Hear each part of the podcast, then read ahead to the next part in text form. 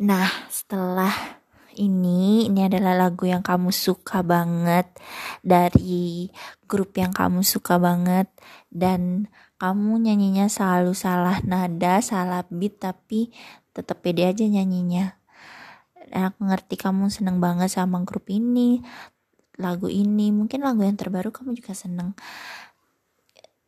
Siapa lagi kalau bukan Twice dengan lagu Candy Pop. Selamat dengerin.